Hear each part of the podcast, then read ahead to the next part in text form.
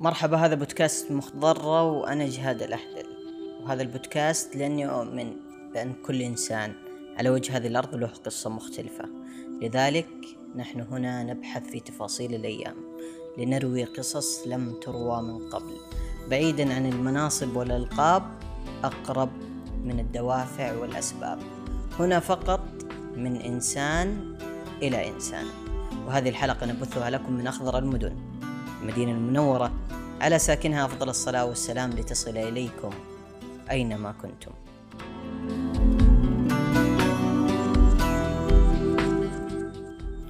أن تنشأ لتكون يد ممتدة نحو التغيير والتنمية والاستدامة وطموحات لا سقف لها في ريادة الأعمال. ريادة الأعمال الاجتماعية أين نحن منها؟ وإلى أين سنصل بمفهومها؟ ضيفي في هذه الحلقة المهندس عوض المحمدي مستشار إدارة الابتكار والقدرات الاستراتيجية. أرحب فيك عوض وأستأذنك أنه أكون أقرب إلى إنسانك بعيدا عن المنصب واللقب. حياك الله أخوي جهاد وشاكر لكم هذه الاستضافة وهذا البرنامج الجميل وجماله أن يبث من المدينة المنورة فحياكم الله. عوض كل إنسان له قصة في هذه الحياة. بدأ سطرها وفصلها الأول من لحظة ولادته. جميل. اليوم أبو عبد الرحمن إيش قصتك؟ حياك الله. آه طبعا بفضل الله علي أني آه آه ولدت في المدينة المنورة وترعرعت فيها بين حواريها وبين أوديتها. آه استنشقت هواءها آه يعني آه تربيت على ثقافتها ومبادئها الجميلة وعلى رسالتها. بعد كذا بفضل الله آه، انتقلت إلى جدة لمواصلة آه، دراسة الماجستير عفوا البكالوريوس في جامعة الملك عبد العزيز. وكانت تجربة جميلة بفضل الله. لكن كنت في في تلك يعني اللحظات أحن للعودة للمدينة وأن يعني أحاول كل ما اكتسبته من معرفة من علم من تجربة من مهارة أعود فيه للمدينة حتى أساهم في التنمية التي تحظى فيها المدينة. بفضل الله. كيف كانت مرحلتك الدراسية قبل الجامعة؟ آه فعشت حياة كشاب يطمح أنه يحقق إنجاز سواء دراسي أو أو وظيفي. في تلك الفترة منطقة المدينة ما كانت فيها ما فيها ما كان فيها جامعات. فكان هو التحدي اللي أمامنا أنك لابد أنك تخرج من المدينة حتى تلتحق بأحد الجامعات السعودية المميزة. وتأتي يعني في الأغلب كان يروح الملك عبد العزيز في جدة. في الأغلب يروح الملك عبد العزيز يعني لتميز الجامعة وقربها من المدينة. فكل يعني نهاية أسبوع وإحنا في المدينة. فكانت فرصة لي والحمد لله التحقت بجامعة الملك عبد العزيز بجدة. قبل دخولك للجامعة كان عندك حلم لتخصص معين؟ أكيد يعني كأي شاب يعني يراقب الفرص التي حوله وكذا. كان عندي حلم يعني يعني أخذته كشغف. وكنت أقرأ فيه كثير. كنت صراحة حريص إني أكون يعني ألتحق بسلك الطيران إن صح التعبير. وخصوصا الطيران الحربي. ما أدري فين جاء الشغف هذا لكن كنت أتابع مجلة كانت مجلة متخصصة بالطيران الحربي وكانت أظن تصدر من من الإمارات. فكنت أتابع التقنية اللي في في في علوم الطيران. والطيران كانت يعني ملهمة. سواء بالتحام الطائرات مع بعض سواء يعني بأمور الطيران. فكانت التقنية الموجوده فيها يعني تعجبني كثيرا. كنت أقرأ أقرأ فيها لتشبعت إنه إن شاء الله أنا أنا حكون يعني طيار. يا سلام. حتى كان في أذكر في في المدرسة الثانوية طبعا في مكتبة كأي مدرسة وكان في كتاب متخصص كان جميل. أتوقع لحد الآن موجود. يعطيك كل الفرص الدراسية بعد الثانوية بتخصصاتها وكذا وكذا وكان من ضمنها اسمه هذه الجزئية كيف تلتحق كيف توصل تكون. فكنت أقرأ فكان عندنا في السعودية هنا اللي هي كلية الملك فيصل الحربية المتخصصة بهذا الجانب فكان حلم بالنسبة لي طيب وش صار؟ طبعا بعد كذا يعني ما الله كتبه تمام؟ يعني قدمت كانت المنافسة جدا عالية تخصص مطلوب وكلية عريقة فما الله كتبها. في البداية كانت بالنسبة لي يعني صدمة إنه حلم تعيش عشان فترة وبعدين تتفاجأ. لكن الحمد لله كنت يعني دائما حتى قبل ما يعني ما أتخرج وأقدم كنت أدعو الله إنه ييسر لي اللي فيه الخير. لأن الإنسان مهما كان ما يعرف الخير فين.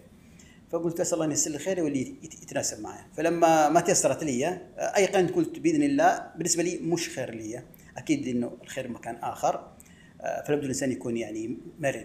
آه، صعب إنك تحط هدف فقط واحد ولو ما تحقق انك يعني تنهي حياتك. آه، بعد كذا آه، بديت أمشي على على الموجود. طب تمام؟ ما حاولت تصر على الموضوع؟ آه، طبعا أنا حاولت وقدمت وكذا لكن في في معايير كانت واضحة للجميع. تمام؟ وفي أولويات فما تحققت معي المعايير فرضيت يعني بال- بالموجود. بديت أجد نفسي نفسي في الإدارة.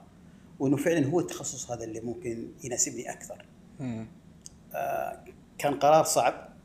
الانتقال وتحدي آه، لكن قلت يعني إنه آه، أعيش حلمي القادم أو أعيش حياتي القادمة في شيء أنا أجد نفسي فيه أفضل من إنه والله أنا أخرج بتخصص وراح أشتغل بتخصص آخر. مم. لأنه فعلا ظهرت بعض الاحصائيات إنه كثير من الخريجين يتخرجوا ويتوظفوا بمجال غير تخصصهم. يعني إلى نسبة معينة. فاتخذت القرار وانتقلت لكلية الإدارة والحمد لله أقدر أقول لك من هنا بدأت آه، الانطلاقة بفضل الله وبدأ الاستمتاع بهذا التخصص. لاني كنت فعلا كنت أقرأ مش عشان الدرجات كنت أقرأ عشان أفهم عشان أتعلم عشان أطبق. فكانت تجربة جميلة. ولذلك دائما إحنا الآن ننصح يعني زملائنا وابناء زملائنا المخرجين يعني لا يقودك إنه آه، فين حتوظف؟ أو إيش التخصص اللي فيه التوظيف أعلى؟ لا. آه، أجل يقودك يعني شغفك في التخصص اللي فعلا حتستمتع فيه حتبدع فيه. لأنه آه، لن يأتي الإبداع إلا في مكان أنت تستمتع فيه. فإذا وجدت المتعة في مكان يعني آه، فبإذن الله حت- حتبدع فيها والعكس صحيح. أبتعث؟ أي وبعدها طبعا آه، عشت الجو الابتعاث فبدا الواحد يتحمس. أي ليش بتكمل رغم سبحان الله قبل ما أجي مرة فكرة الابتعاث ما كانت يعني ما كانت من اولوياتي أو كنت أفكر فيها. لما عشت أجواء الابتعاث فحنيت إنه ليش ما, ما تكمل؟ فرصة. فالحمد لله تقدمت وابتعثت إلى بريطانيا. آه، كنت برضو بعض الاوقات يعني الشغف هو متعب. وتحدي آه، لكنه يخليك دائما في حالة تأهب. فقلت لازم أشوف تخصص جميل. تخصص فعلا يشبع يعني شغفي ويكون له أثر. فبحثت فبحثت فوجدت تخصص في جامعة اسمها كرامفيلد في بريطانيا آه، في إدارة المعرفة للابتكار. يا سلام. وفي ذيك الفترة كان الجامعات بدأت تتبنى اللي هي وكالات الجامعة للإبداع المعرفي زي عندنا في الجامعة يعني آه، كل الجامعات بدأت تتبنى الاتجاه ده بمسميات مختلفة لكن قضيه فعلا الريادة وال- والابتكار عنصر أساسي في التنمية. فوجدته فالحمد لله قدمت عليه وحصلت على قبول ودرست التخصص في الماجستير جامعه كورندو والحمد لله تخرجت منها في تخصص ماجستير في إدارة المعرفة آه، للابتكار. من الأشياء اللي تعلمناها وكانت هذه يعني أحد مخرجات ال- الماجستير إنه دائما آه، قبل ما تبدأ لازم تشوف العالم وصل فين. تمام. وتشوف أفضل الممارسات. وتدرسها وتشوف إيش يتناسب معك وتبدأ منه. تمام. آه، لا تحاول تجتهد ب- ب- ب- ب- بعقليتك فقط. يعني دائما إحنا نسمع مصطلح يقول لك فكر خارج الصندوق. آه، فكنت دائما في الدورات اسمه أناقش مع المتدربين هذه النقطة وأقول لهم إيش هو الصندوق؟ صح أي فكر إحنا دائما نقول لما نجي نفكر بتطوير شغلة معينة أو نجيب حل ابتكاري نقول لا يا شباب نبغى أفكار خارج الصندوق فكروا خارج الصندوق طيب السؤال إيش هو الصندوق هذا؟ فين الصندوق أصلا؟ وفين الصندوق هذا؟ تمام؟ لابد أعرف الصندوق هذا هل هو الغرفة اللي اخرج منها؟ يعني لو خرجت الغرفة أنا خرجت خارج الصندوق ولا خرجت من المدينة يعني إيش هو الصندوق ده؟ تمام؟ ففعليا الصندوق هو هذا؟ الصندوق هو يمثل إيش؟ مجموع خبراتك ومعارفك انت الآن لما تواجه مشكلة أو تبغى تطور شغلة معينة أنت فعليا قاعد تفكر بناء على إيش؟ على خبراتك ومهاراتك. فإذا خبراتك ومهاراتك محدودة فأفكارك حتكون محدودة. والعكس صحيح كل ما توسعت بالأفكار بالمعرفة عفوا بالخبرات والمعرفة حتجيب حلول إيش؟ أكثر يعني ابتكارا. وأفكار أكثر. بالضبط. فالخروج من الصندوق هي نقطة الأساسية في تطوير أي عمل. فالشاهد لما جيت في في العمادة آه، عمادة خدمة المجتمع فقلت يعني خلينا نشوف إيش أفضل الممارسات عالميا في خدمة المجتمع في تطوير المجتمع هل هي بس مقتصرة على دورات وبرامج ودبلومات وكذا ولا ولا فعاليات ولا إيش؟ فبديت يعني أبحث بحث كذا بسيط فوجدت المصطلح اللي هو ريادة الأعمال الاجتماعية وإنه الآن أحد يعني البراكتس والممارسات العالمية في تنمية المجتمع.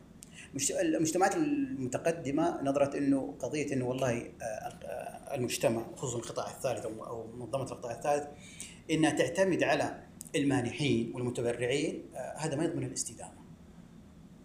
لابد أن نحتاج حلول ابتكارية والحلول هذه هي تغذي نفسها بنفسها حتى نضمن الحل الطويل للمشكلة. لكن تعتمد حلولنا على مانحين ومتبرعين طيب مرة يمنح الظروف ومرة ما يمنح مرة وتبرعات يعني متقلبة. فمن الخطأ أني أبني حلول للمجتمع بناء على يعني آه، توقعات. توقعات مانحين يدعموا ولا ما يدعموا ولا جهات لابد إنه الفكرة في ريادة الأعمال انه هو نموذج جاي بين بين آه، ريادة الأعمال الاجتماعية جاي نموذج جاي بين ريادة الأعمال وبين فكره الجمعيات الخيرية.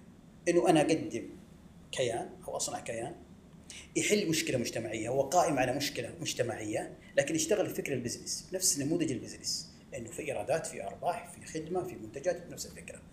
وجدت فعلا إنه يعني خطوة جميلة ولعلها تكون يعني سبق للجامعة في هذا المجال لأنه في ذيك الفترة حسب علمي ما كانت موجودة في الجامعات آه، كإدارات متخصصة في هذا المجال. المستهدف منها القطاع الثالث ولا القطاعات ال- الحكومية والقطاعات الخاصة ممتاز. آه، هو المستهدف في المقام الأول اللي هو المجتمع، مشاكل المجتمع. انه أنا كيف أصنع حلول إبتكارية لمشاكل ال- المجتمع، تمام؟ آه، من خلال طبعا في المقام الأول اللي هو القطاع الثالث الجمعيه الخيريه بحكم إن هي هي اللي يعني منوطة بهذه المهمة، فالفكرة عندنا كيف إحنا نمكن القطاع الثالث خصوصا على منطقة المدينة المنورة من من أدوات الابتكار الاجتماعي ومنهجية ريادة الأعمال الاجتماعية إنها تصنع كيانات. يعني مشاريع ما تصير هي مبادرات أو فقط حملات تبرع وغيرها لا. تكون كيانات كيان آه، كشركة مجتمعية. والآن بفضل الله برضو لها دورها في المجتمع ولها. بطريقة غير إنه منح. تقدم يعني زي ما ذكرت الرؤية إنه تحويلها من رعوية نعم إلى تنموية بالضبط يعني قضية إنه آه، الجمعيات ترعى مستفيدينها إلى متى؟ و- و- وإيش الثقافة اللي تزرعها في في المستفيدين من قضية إنه أنا أرعاك أنا أوفر لك التسهيلات أوفر لك يعني آه، مثلا السلة الغذائية ولا أوفر لك بيت ولا غيره إيش الثقافة اللي حتزرعها بال- بالنشء خصوصا يعني أبناء الاسر المحتاجة لما يعيشوا طول حياته إنه هو والله في جمعية قاعد ترعاه. تمام؟ لكن الفكرة لا أنا ننتقل من قضية آه، الرعاية إلى التنمية. أنا كيف أمكن؟ أحوله وأمكنه وأحوله إلى عنصر فعال في المجتمع. بالضبط. جميل. فاحد الممارسات اللي ممكن نذكرها في هذا الجانب آه، بفضل الله من خلال آه، جمعية جمعية البر في المدينة مم. تبنت هذا التوجه اللي قضية التوجه إلى من آه، الرعاية إلى التنمية رغم إنه موجود في فئة ما زالت تحتاج رعاية. آه، فتم إنشاء آه، أول حاضنة أعمال على مستوى المدينة أتكلم حاضنة أعمال خاصة بمستفيدي الجمعية. مم. حاضنة الأعمال بمفهومها الموجود في كل مكان إنها حاضنة لكن هي مخصصة بالفئة كيف إن أني أنا أحتضن هذه الفئة. كويس؟ أمكنها من الأدوات والمعرفة إنها تصنع مصدر دخلها ما تعتمد على الجمعية ولا غيرها. من خلال إنشاء مشاريع بسيطة وتحتضن في هذه الحاضنة وتدعم من الجمعية ومن المانحين وينطلقوا. فيتحولوا من يعني ناس يستنوا الرعاية إلى ناس منتجين ويساهموا في الرؤية. الرؤية الآن خلاصتها فعلا إحنا نحتاج أن نرفع الناتج المحلي. تمام؟ آه، فلن نستطيع نرفع الناتج المحلي إذا ما عندنا ناس منتجين يعني ما عندنا أيدي منتجة. فكل ما كانت أيدي منتجة قوية ابتكارية حنستطيع إن نأثر على الناتج المحلي النهائي ولهذا هو أحد مستهدفات الرؤية. إيش دور القطاع الثالث في في الناتج المحلي؟ طبعا حسب آه، يعني قراءة أو تحليل الرؤية آه، وهذا موجود في في الرؤية إنه وجدوا إنه مثلا القطاع الثالث عندنا في في ال- في المملكة أو المؤسسات الغير ربحية مساهمتها في الناتج المحلي تقريبا 1% والرؤية الآن تستهدف في 2030 إنه ترفع من 1 إلى 5% آه، تحدي كبير لأنه قطاع القطاع الثالث عندنا بفضل الله كبير لكن تغير الفلسفة فيه والثقافة إنه لا أنت تصنع نفسك بنفسك أنت تدعم نفسك بنفسك أنت اسمه يعني من خلال الاستدامة خصوصا آه، تبدأ بحل آه، يعني المشاكل المجتمعية آه، فريق العمل الاجتماعية أحد المبادرات في هذا الجانب كيف فعلا ننشر ثقافة الابتكار الاجتماعي صناعة ال- الشركات المجتمعية واللي تساهم من خلال الجمعيات في رفع الناتج المحلي آه، للقطاع الثالث إيش اللي يساهم ويساعد في نجاح رائد أو رائدة الأعمال؟ جميل. أو أو مفهوم نفسه ريادة الأعمال جميل آه، طبعا عالميا آه، الدول لما توجهت للنقطة الثانية لأنه في تحدي كبير وحتى على مستوى الدول المتقدمة لقضية البطالة. إنه الدولة تو- توفر وظيفة لكل مواطن صعبة تحدي مستحيل يعني يعني صعب انك توظف توفر وظيفة وخاصة وظيفة ملائمة للكل وهذا التحدي كل الدول تعيشه. تمام. فجاء مفهوم ريادة الاعمال الاجتماعية إنه ليه أنا آه، أدرس الطالب سواء في ال- في التعليم العام أو حتى لما يروح الجامعة أدرسه عشان يخرج يقول فين وظيفتي. لا أنا لابد أني أصنعه يكون هو رائد أعمال. إنه لا هو يصنع وظيفته ووظيفه غيره. كيف؟ إنه يطلع فكرة ابتكارية تحول إلى شركة، بالشركة هذه هو مش فقط صنع وظيفته. صنع وظيفة له وكل الفريق اللي هو يحتاجه. تمام؟ ولذلك الآن عالميا فعلا تشوف بعض الشركات ميزانيتها ميزانية الدول. ولو لو رحت لتاريخ هذه الشركة تجدها إنه هو طالب. مايكروسوفت مثلا كان طالب في الجامعة طلعت الفكرة عنده وبدأ يهتم فيها حولها لشركة أصبحت شركة عالمية ميزانيتها تعادل ميزانيه بعض الدول. إضافة ليش؟ إنها على انه وظفت إيش؟ الآخرين. فهذه هذه هي القضية اللي لابد أنها تغرس في في في شبابنا. آه لا يكون خيارك الأول الوظيفه نعم أحد الخيارات التي تشتغل عليه. تمام؟ آه لكن خلي خيار انه فعلا أنت كيف تصنع وظيفة؟ أنت لما تصنع وظيفة من خلال فكرة تحولها إلى شركة مش فقط أنت خلقت وظائف لمجتمعك. إنما أنت ساهمت في الناتج المحلي. ساهمت بالتنمية. لذلك إحنا نحتاج شركات. لأن رؤية المملكة تستشرف إنها تحول مجموعة من الشركات عندنا إلى اسمه إلى شركات عالمية من ضمن أفضل 100 شركة. تمام؟ لن نستطيع نحقق النقطة دي اذا إذا ما زالت العقلية اللي عندنا هي عقلية إنه وظيفة وموظف وكذا. إذا ما تبنينا قضيه إنه فعلا. كيف إحنا نصنع حلول حلول تتحول لشركات الشركات هذه تنمو تنمو تنمو حتى تصبح يعني آه، ركن أساسي في الاقتصاد ال- المحلي. تساهم في مشكلة البطالة تساهم في رفع الناتج المحلي وخلق الوظائف طيب وانتوا إيش دوركم في إدارة الأعمال الاجتماعية علشان تعززوا هذا ال... ممتاز. آه، إحنا انطلقنا من نفس الفلسفة إنه كيف إحنا نمكن آه، يعني طلاب الجامعة بالخصوص وأفراد المجتمع بالعموم إنهم كيف يتبنوا آه، فكرة رياده الاعمال الاجتماعية بمعنى كيف إنهم يبتكروا حلول للمشاكل المجتمعية ويحولوا هذه الحلول إلى شركات مجتمعية وهذا الآن أصبح واقع في في النظام السعودي الآن عندنا شركات وتأخذ عليها شهادة اسمها شهادة المنشأة الاجتماعية معتمدة من وزارة الموارد البشرية والتنميه الاجتماعية وكذلك من وزارة التجارة ومنشآت. فالتوجه عندنا كيف إن نثقف طلابنا ونمكنهم من أدوات الابتكار الاجتماعي بتحويل مشاكل المجتمع إلى شركات مستدامة تعالج هذه المشكلة، فكذا هم يعني آه، حلوا مشاكل المجتمع ومن خلال حلول مستدامة كشركات مجتمعية وخلقوا وظائف لأنفسهم ولغيرهم. فهذا الدور تقريبا ال- الأساسي اللي إحنا آه، نعمل عليه. هل القضية إنه بس مفهوم وتوعية للطالب ولا الموضوع أكبر من كذا آه، طبعا بفضل الله يعني إحنا نطمح الأكثر من كذا لذلك الاتفاقية اللي توقعت بين الجامعة وبين مؤسسة محفوظ آه، يعني ارتكزت على ثلاث آه، مهام رئيسية. المهمه الأولى اللي هي آه، نشر ثقافه الابتكار الاجتماعي وأدوات الابتكار الاجتماعي واللي هذه مسلمة كأساس عشان أنت تبني عليه. آه، المخرج الثاني انه آه، اللي هو إعداد حاضنة أعمال متخصصة بالشركات الريادة الاجتماعية أو بالشركات ال- ال- المجتمعية. وهذا الآن الان است- استلمنا المكان من الجامعة بفضل الله.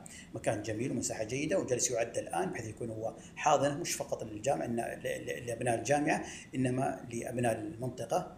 آه، بإذن الله حتكون حاضنة نوعية آه، كمركز للابتكار الاجتماعي آه، فيه ثلاث خدمات أساسية اللي هو حاضنة أعمال لاحتضان الشركات المجتمعية وحيكون فيه مختبر الابتكار الاجتماعي وهذا برضه من أحد الممارسات ال- الجديده اللي تساهم في إنه كيف تثقف الناس في خلق آه، حلول مجتمعية وكيف نحول هذه الفكرة من فكرة إلى مشروع من خلال آه، ممارسات آه، مختبرات ال- الابتكار ال- الاجتماعي.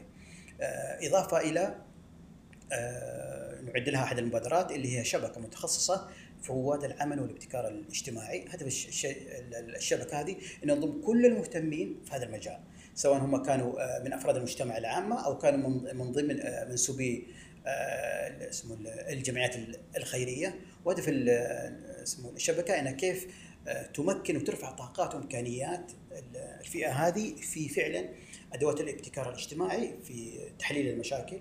وتحديد اولوياتها ثم صناعة الشركات المجتمعية التي تعالج هذه التحديات. أتوقع بالنقطة هذه لو انطلقت بإذن الله آه، حيكون أثره على مستوى المنطقة جدا جميل. لأن إحنا نؤمن انه منطقة المدينة فيها فرص كبيرة وفيها إمكانيات كبيرة آه، وتدار من خلال يعني يعني إدارة قوية على مستوى المنطقة متمثلة في إمارة المدينة آه، تعي أهمية التنمية. ولها مبادرات كثيرة في هذا المجال ويعني وأكبرها نماء المنوره أحد المشاريع اللي انطلقت من أمارة المنطقة وخصوصا من الأمير فيصل فهو يعي هذه النقاط فأتوقع إن شاء الله يكون لها اثر مرة كبير. إيش الفرص اللي تتوقع إنها موجودة في المدينة؟ ممتاز يعني يعني أنا ما بعطيك رأيي تمام؟ بعطيك نتائج دراسة. م. منشآت قبل يمكن ثلاث أو أربع سنوات سوت دراسة على منطقة المدينة ومكة بحيث إنه نشوف إيش أهم الفرص التجارية في في منطقة المدينة وأمره. فوجدت إنه أهم أو أعلى فرصة اللي هي تجارة التجزئة. تجارة التجزئة في منطقة المدينة. ومكة تعتبر آه، هي من أكبر الفرص الموجودة لشباب المنطقة. حتقول لي ليه؟ أقول لك لأنه الآن في المدينة سنويا تستقبل من 8 إلى 10 مليون زائر. تخيل هذا من 8 إلى 10 مليون زائر. رؤية المملكة تستهدف الآن أن ترفع استيعاب المدينة إلى 30 مليون زائر. فتخيل ال 30 مليون زائر أو حتى الواقع الآن يعني من 8 إلى 10 إيش احتياجاتهم؟ احتياجاتهم من السكن من المواصلات من الهدايا من من من من من, يعني أشياء كثيرة. هذه الاحتياجات أنا كل احتياج ممكن أحوله إلى إلى شركة تقدم هذا الحل. ففي فرص كبيرة. لذلك لما نجي نقول والله آه، في نسبة عالية آه، نسبة بطالة عالية في المدينة آه، لابد نكون صادقين مع أنفسنا إن المشكلة فينا إحنا. تفكيرنا مش في الطريق الصحيح رغم الامكانيات هذه كلها. انت عندك اسمه 10 مليون زائر سنويا. بس يعني ما أبغى أفكر بالنقاط الثانية الزراعة وغيرها. منطقة المدينة منطقة يعني متنوعة. يعني في المدينة عندك الزوار وطبعا والزراعة من التمر واللي هو معروف. آه مهد الذهب فيها الذهب. ينبع الشركات والنفط وغيره. آه الآن بدأت تظهر آه، العلا والامكانيات اللي فيها. فصعب بعد هذا كله نجي نقول والله في نسبة بطالة مرتفعة في المدينة. إذا لو في نسبة فعلا لابد أن نراجع أنفسنا لذلك هذه بس إجابة على سؤالك هذه دراسة خرجت فيها منشآت انه تجارة التجزئة في المدينة تعتبر فرصة لجميع الشباب فقط يحتاجوا أنه يفكروا فعلا بحلول ابتكارية. هل مفهوم ريادة الأعمال اليوم في السعودية مجرد مصطلح وتنظير فقط ولا في واقع؟ طبعا فضل الفترة الفترة الأخيرة يعني خطت خطوات قوية ومن أولها إنه إنشاء الهيئه العامة للمنشآت الصغيرة والمتوسطة يكفيك هذه المبادرة. إنه الآن في كيان كهيئة على مستوى هيئة على مستوى البلد تهتم في قطاع ريادة الأعمال. وفي تسهيلات كثيرة فيها. وفي برامج عندها كثيرة. يعني أنا ما خليني أحكيك بس آخر برامج انطلقت من هيئة منشآت.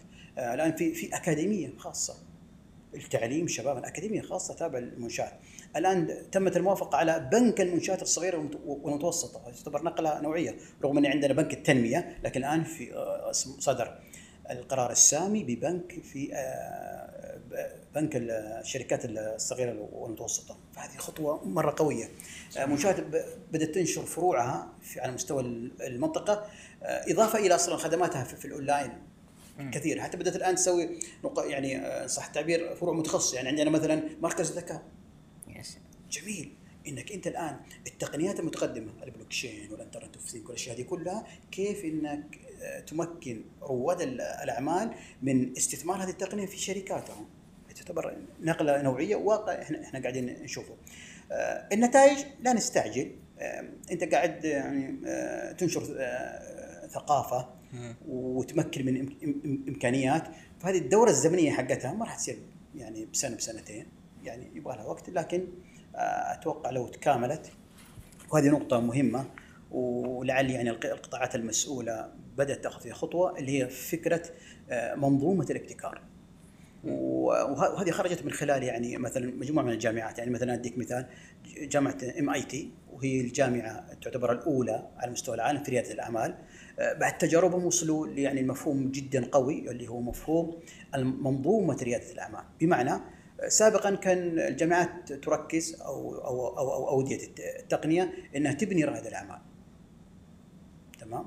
بعدين لاحظت إنه إني ابنيه فقط مش الحل النهائي. طيب ابنيه واسمه صارت الخطوة الثانية إن يكون في حاضنة أعمال. الحاضنة تحتضنه في مرحلة التأسيس حتى ينطلق وينمو في السوق بعد كده ينطلق كشركة في السوق. بعد كده وجدوا إنه برضه الخطوط هذه غير كافية. وصلوا للمفهوم المنظومة بمعنى إنه أنت تعده وتحتضنه لكن ينزل للسوق حيواجه ينفجع. أيوه. ويواجه يعني صعوبة ومنافسة قوية. وهو مهما كان هو رائد عمل شاب دوبه بادي أو شركة ناشئة ك startup دوبها ناشئه فجاء مفهوم إنه لابد تكون في منظومة يعني آه، تحتضن هذا الكيان الناشئ أو الكيانات اللي, اللي بارزة. والمنظومة تتمثل في جميع القطاعات اللي ممكن تخدم وتهيئ بيئة في السوق آه، لرواد الأعمال أو للشركات إنه حتى لو تعطل ممكن بالضبط. تدعم أيوه. وجميع القطاعات هذه اللي حتكون موجودة إنها تتكامل في في نجاحه. سواء كانت قطاعات حكومية أو خاصة أو غير لابد أن نتكامل أن ننشئ. ليه؟ لأنه نجاح الشركات هذه هو نجاح للاقتصاد هو آه، رفع جودة للمجتمع وللشعب. فلذلك نجاح الشركات مش منافسة. نجاح الشركات الصغيرة هذه بالعكس هذه هذه إضافة للمجتمع وللاقتصاد لذلك لابد إحنا كلنا آه، نتكاتف. في سير الجامعة لها دورها آه، الجهات المختصة الوزارات المختصة لها دورها القطاع الخاص له دوره. وكذا نتكامل إن ننجح هذا الوليد آه، اللي هو جاي ينطلق. القطاع الثالث اليوم إيش يحتاج؟ أي قطاع لابد يكون هو دائما في مرحلة تطور تمام؟ آه وزي ما ذكرت لك سابقا من ضمن الممارسات الجديدة اللي بدات تدخل الآن هي قضية ريادة الأعمال الاجتماعية واللي هو تمكين المجتمع هذا آه من من بناء المؤسسات المستدامة أو المشاريع المستدامة بفكر ريادة الأعمال الاجتماعية واللي تتركز على نقطتين أساسية إنه هذه الشركة الوليدة المجتمعية تقوم على مشكلة موجودة في المجتمع وبنفس الوقت هي تعمل من خلال نموذج أعمال بمعنى في خدمات تقدم بمقابل وفي إيرادات. ما تستهدف الربح لكن تستهدف إيش؟ تعظيم أثرها. هذا المفهوم أو الثقافة وجهة نظري البسيطة إنه تحتاج يحتاج قطاعنا الثالث إنه يتشرب هذه الثقافة ويتمكن من هذه الأدوات الابتكار الاجتماعي، صناعة الشركات المجتمعية، إدارة الشركات المجتمعية، ونرجع نفس النقطة، لن يستطيع القطاع الثالث إن أن ينمو وحيدا. نحتاج إيش؟ منظومة. فلذلك نقترح إنه زي ما قلنا منظومة ريادة الأعمال اللي يضم كل القطاعات اللي حتنجح الشركات الصغيرة والمتوسطه بمفهوم ريادة الأعمال، نحتاج منظومة ريادة الأعمال الاجتماعية واللي تتكاتف فيها كل الجهات المعنية بالمقام الأول في في المجتمع تتكامل إنها فعلا تصنع البيئة المناسبة لانطلاق هذه الشركات الاجتماعية الناشئة. فيصير كذا فعلا آه، أنشأنا آه، قطاع قوي وربطناه بالامكانيات اللي عندنا الآن مثلا أحد المبادرات اللي الجامعة الآن قاعدة تعد لها آه، اللي هي قضية إنه كيف نربط بين خريجينا ومنظمات القطاع الثالث. منظمات القطاع الثالث هي محتاجة إنها تنمو ومحتاجة إنها تصنع مشاريع مستدامة وزي ما قلنا فكر اسمه الشركات المجتمعية. جميل. ففكرة المبادرة إنه إحنا لاحظنا يعني نقطتين أساسية أو تحديين أساسية في في معظم الجمعيات تتشكل في إنه يا ما عندها موارد بشرية كافية اللي عندهم يدوب يغطي احتياجاتهم النقطة الثانية إنه ما عندهم فرصة إنه والله يعني يستغنوا عن أحد ويطوروه بالمفاهيم الجديدة هذه. إنه يتبنى مفهوم أدوات الابتكار ويبتكر في في قضية شركات مجتمعية وغيرها. فجت الفكرة إنه كما يقول يعني آه، اسمه بحجر واحد نصيد أكثر من من عصفور إنه آه، آه، نتبنى خريجينا خريجي الجامعة ونمكنهم من صناعة الشركات المجتمعية بمفهوم الابتكار الاجتماعي ريادة الأعمال الاجتماعية كل الأدوات والمنهجيات اللي الجديدة اللي تحتاجها. اللي تحتاجها. وبعد كذا ناخذ الخريجين أو الباحثين عن العمل كفرق. وكل فريق نربطه بجمعية فيتبنى اتجاه الجمعية. فمن خلال الفريق هذا يصنع شركة مجتمعية للجمعية تساهم في حل المشاكل اللي هي بتخصصها.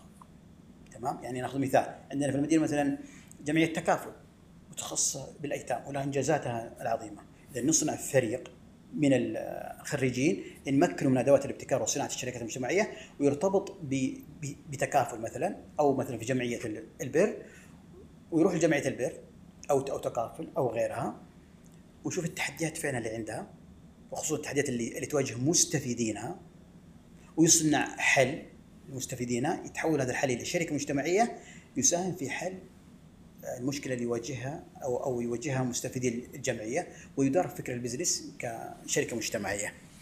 بكذا إحنا حققت استدامة؟ حقق- حققت اسم مشاريع مستدامة للجمعية. آه، وفرت فرص وظيفية لخريجينا. تمام؟ آه، مكنت خريجينا من مهارات متقدمة. بصير هو لما يتوظف توظف في وظيفة مرموقة. مدير مشروع نائب مدير مشروع مدير التسويق مدير كذا وكلهم تخصصه. بصير كذا يعني أنت حققت يعني آه، وحليت مشكلات مو بس مشكلة. وحلينا مشكلات حلينا مشكلات. لذلك من ضمن الممارسات الموجودة في, في الإدارة آه، واللي هي كانت أحد آه، بنود الاتفاقية مع مستر المحفوظ إنه تصميم منصة الابتكار الاجتماعي. من خلال المنصة هذه إحنا نستهدف نقطتين. النقطة الأولى إن نعرف مشاكل المجتمع وأولوياته. من مين؟ من المجتمع نفسه. المنصة من خلالها هي ترتبط بمجتمع المدينة ومن خلال آلية معينة إنها تأخذ كاستبيان من أهل المدينة إيش أهم المشاكل عندكم وحناخذها بشكل تتابعي يعني يجي م- فترة تطلق حملة المشاكل الصحية، المشاكل التعليمية، المشاكل الاقتصادية وغيرها. بكذا أنت أنت تسمع صوت الشارع. وهذه أول نقطة في الابتكار، كل نظريات الابتكار أو أدوات الابتكار كلها ترتكز على نقطة واحدة، إنه لابد يكون ال- الحل يبدأ من فين؟ من المستفيد. من المستفيد، لأنك أنت لو جبت حل ما يناسب الم- ال- المستفيد ما راح يكون له قيمة، لذلك حتى يكون حلك له قيمة لابد يبدأ من فين؟ إنه فعلا انبنى على مشكلة يعاني منها المستفيد. فكذا أنت تأخذ فعلا معاناة واحتياجات آه، أهل المدينة، نتكلم عن منطقة المدينة. ومن هذه اسمه ال- المشاكل تبدأ بعد كذا برضو تعيدها للمجتمع. هذه المشاكل يشاركونا في إيش؟ في صناعة حلول. فشارك معك المتخصص والمهتم وال- والإنسان ال- ال- البسيط. فصير كذا أنت أخذت المشكلة من المجتمع وأخذت الحل من المجتمع. فحققت إيش؟ إنه شاركت المجتمع في إيجاد المشاكل أو تحديد المشاكل بالصح وصناعة ال- الحلول. فبكذا أنت قاعد تنشر ثقافة جميلة ثقافة إنه بلاش شكوى. عارفين المشاكل، عارفين التحديات. نبغاكم تشاركونا بإيش؟ بالحلول. أعطونا أعطونا الحلول. كذا انت فتحته بصير هو ما يستنى منك الحل انت كجامعة ولا وزارة ولا غيرها. لا خلاص انت فتح لك الباب شاركنا الحل. تكسب انه انت نقلته من من من, من خلاص خلينا نقول من ثقافة شو اسمه الانتقاد واللوم إلى ثقافة إنه شاركني الحل. أنا أؤمن بقدراتك، أنا أؤمن إنك أنت صاحب المشكلة. فيهمني اسمع الرأي منك. طب وهل طبقت هذه فعلا؟ ال- الآن شغالين عليها وفي ال- اللي هو المنصة هذه مم. وكذلك المركز الآن إحنا استلمنا تقريبا آه، في في شوال وبدأنا الآن تجهيزه آه، موجود في آه، في كلية المجتمع في في المدينة قاعدين نجهزه بحيث فعلا يكون هو مركز الابتكار واللي فيه الخدمات هذه اللي راح تقدم بإذن الله. إيش الرخصة المهنية لسوق العمل؟ جميل هذا مفهوم الآن برضو بدأنا في إطلاقه عبارة عن برنامج المفهوم الرئيسي فيه اللي هو آه، نقل تفكير شبابنا من قضية البحث عن وظيفه. الآن آه، الوظيفة ما أصبحت مهمة آه، محدودة أصبحت صناعة. فزي لما أنت تصنع مشروع لابد أنك تصنع لك وظيفة. زي لما تبني مش- مشروعك لازم تبني نفسك أديك مثال الآن من أحد الأدوات اللي تستخدم وموجودة في صناعة المشاريع اللي هو مثلا نموذج العمل التجاري ال business model canvas هذه أحد الأدوات القوية وعالميا تشتغل فيها يعني آه، مراكز ومؤسسات قوية. وهنا نستخدمها. من خلال هذا النموذج هو عبارة عن دليل يمكن الشاب أو رائد الأعمال كيف فكرته يحولها إلى مشروع. بنفس السيناريو الآن في نموذج يمكن الشخص كيف يصنع مشروع يص- يصنع وظيفته. تمام؟ فالوظيفة الآن ما أصبحت إني أنا أبحث عن وظيفة لا. أنا أصنعها. أنت تصنعها. وتصنعها بنفس مفهوم الشركات. الآن أنت لو لو بتصنع شركة تبدأ من فين؟ إنك تشوف من ال... من الشريحة اللي أنا حستهدفها. والشريحة اللي حستهدفها إيش المشكلة اللي عندها؟ أنا لو وجدت الحل فهذا هو المنتج حقي. وهذه إحنا نسميها القيمة المضافة. متى يكون عندك قيمة مضافة في مشروعك؟ لما توجد حل يعالج مشكلة المستهدفين. نأخذ مثال. أوبرو كري مثلا كمثال عام. تمام؟ شركات الآن أصبحت عالمية. إيش قدمت؟ قدمت حل ابتكاري. سابقا كيف كنا ننتقل من مكان لمكان؟ لو لو احتجت تاكسي. كنت تنزل للشارع.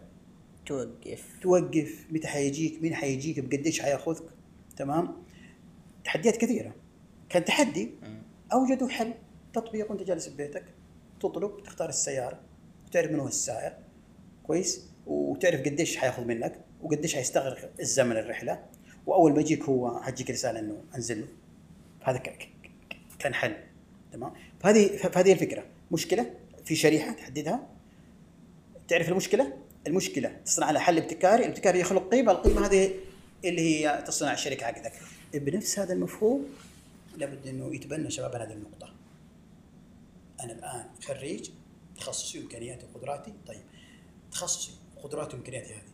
مين الشريحة اللي في السوق تحتاجها؟ مين الشركات اللي اللي تحتاجها؟ فحدد هنا شرائح العملاء. يا سلام. تمام؟ بعد كذا طيب الشريحة اللي حددتها الشركات اللي تتناسب مع تخصصي أو مع ميولي مو شرط تخصصي. إيش التحديات اللي اللي تقابلها؟ طب التحديات هذه كيف ممكن أخلق لها حل؟ فأوجد الحل، طب إيش القدرات اللي يحتاجوها حتى نساعدهم في حل مشاكلهم؟ فأروح أتبنى وأتعلم هذه القدرات. خلينا نديك قصة يمكن قبل طلعت لها قبل 20 سنة وقصة ملهمة في هذا الاتجاه. أحد الشباب في ذاك الوقت تخرج حاسبات وذاك الوقت حاسبات تعتبر ترى عملة نادرة لكن بنفس الوقت هو ما وجد إيش؟ ما وجد وظيفة. الرجل الله له إنه يبحث فبدأ يبحث فوجد إيش؟ إنه في برامج SAP وهذه أحد الشركات يعني المتخصصة في في في برنامج في ال ERP اللي هو إدارة الموارد البشرية الشاهد هذا كان يعتبر مهارة نادرة على مستوى العالم أو أو حديثه وفي السعودية يعني برضه نادرة حب ياخذها ما وجد أي مكان في السعودية يقدمها. بحث وجد في أوروبا وأمريكا تكلفوا تقريبا 60 70 ألف ريال عشان ياخذ هذه الشهادات. بحث بحث وجدها موجودة في الهند 16 ألف ريال. فراح وأخذ الشهادة هذه. رجع أول ما رجع طلع إنه أرامكو السعودية اتبنت برنامج ال ERP وفي ذاك الوقت تحتاج ناس متخصصين واصحاب شهادات. فكان هو مؤهل فقدم فتوظف فيها وحصل على راتب مميز. جميل. فإيش الفكرة هنا؟ نفس إنه هو بحث عن الفرص فين ومكن نفسه من القدرات اللي يحتاجها السوق وكذا هو سوق نفسه. فإذا تحديد ميولك، تحديد احتياجات السوق، بناء قدراتك اللي يحتاجها السوق أو أرباب الأعمال تمام؟ وبعد كذا إيش؟ تسوق نفسك، لا تجلس تقول والله أنا استنى وظائف، لا في الآن في عندنا منصات احترافية أنا مثلا لينكدين مثلا منصة احترافية تسوقك فأنا لابد يكون لي تواجد. لابد إني من خلال المنصات الاحترافية وحتى في ال social media لابد إني أصنع نقطة مهمة اللي هويتي المهنية. لابد إنه يكون لي حضور في المجتمع المهني بهوية مين أنا إيش إمكانياتي إيش إيش قدراتي إيش تجاربي إيش إضافتي في هذا الجانب. هذا اللي يسوقك الان فكذا إحنا نقول صناعة الوظيفة مش البحث عن وظيفه ف... جميل. الرخصة المهنية لسوق العمل يعني اليوم اللي قاعدين نتكلم عنها هذه إنه باختصار تحول من نفسك brand. brand. تصنع brand ك وتسوقه. ممتاز. ممتاز. طيب كيف أحصل على هذه الرخصة؟ هي عبارة عن عن دورات تقدم ف... عبارة عن دورة مدتها أربع أيام تمكنك من من أربع المهارات هذه. أول مهارة آه، تحليل ميولك المهني وبشكل علمي وبمقاييس معترف فيها تمام؟ بعد كذا بناء نموذج العمل المهني حقي اللي هو عندك تسعة عناصر رئيسية لابد إنك آه، تبنيها. باكتمال التسعة هذه اكتملت خريطة الطريق لك للسوق. تمام؟ بعد كذا صناعة ال brand المهني. تواجدك في ال social media تواجدك على المنصات الاحترافية زي LinkedIn وغيرها. النقطة الأخيرة كيف حتسوق نفسك؟ لا تجلس. انت بتسوق نفسك؟ وعشان تسوق نفسك لابد تكون لك قيمة. إيش قيمتك؟ إيش القيمة اللي تحملها للمجتمع؟ الآن أرباب الأعمال تجيهم آه، عشرات الآلاف من السير الذاتية. لكن لا أنا ابحث مني يضيف قيمة جديدة لي. فأنت من خلال نموذج العمل المهني ومن خلال وجودك على منصات يعني فعلا تسوق نفسك وتسوق البراند المهني الخاص فيك. إيش خلاصة تجربتك الحياتية عوض؟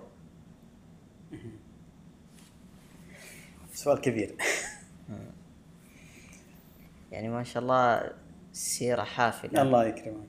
آه والله شوف طبعا اولا وأخيرا آه الخلاصة إنه اعمل لهدف أو اعمل لرساله هذه قضية أساسية. آه فاكتشافك لنفسك وفين آه كما يقال يعني منطقة الراحة لك اللي تقدر تبدع فيها. لابد يكون لك يعني رسالة واضحة. آه واستعن بالله ولا تعجز. ضع خطتك وانطلق. هذه قضية أساسية. لا تعمل بشكل هامشي. أو زي ما يقولوا أخواننا المصارية آه، المخرج عاوز كذا خليك أنت المخرج. لا أحد يتحكم فيك مش مش قضية ما تتحكم فيك لا لأنك أنت أنت أعرف شخص في نفسك المنطقة اللي تنطلق فيها. أنت اللي حتكون صاحب الرسالة. فرسالتك يعني ما راح يخدمها إلا أنت لأنك أنت المقتنع فيها. فلذلك اعمل لرساله بناء على منطقة شغفك بخطة واضحة واستعن بالله ولا تعجز. قصتك مستمرة؟ آه، بإذن الله. زي زي ما ذكرت لك هي رسالة. يعني هي القضية مش قضية وظيفة أو قضية آه، مصدر دخل. هي رسالة لابد أنك أنت آه، تأديها. لأنه يعني الأرزاق كتبت. تمام؟ فلا تبحث عن يعني رزقك. نعم حتسعى كل شيء مكتوب. لكن يبقى السؤال إيش أثرك اللي حيبقى؟ هذه قضية أساسية.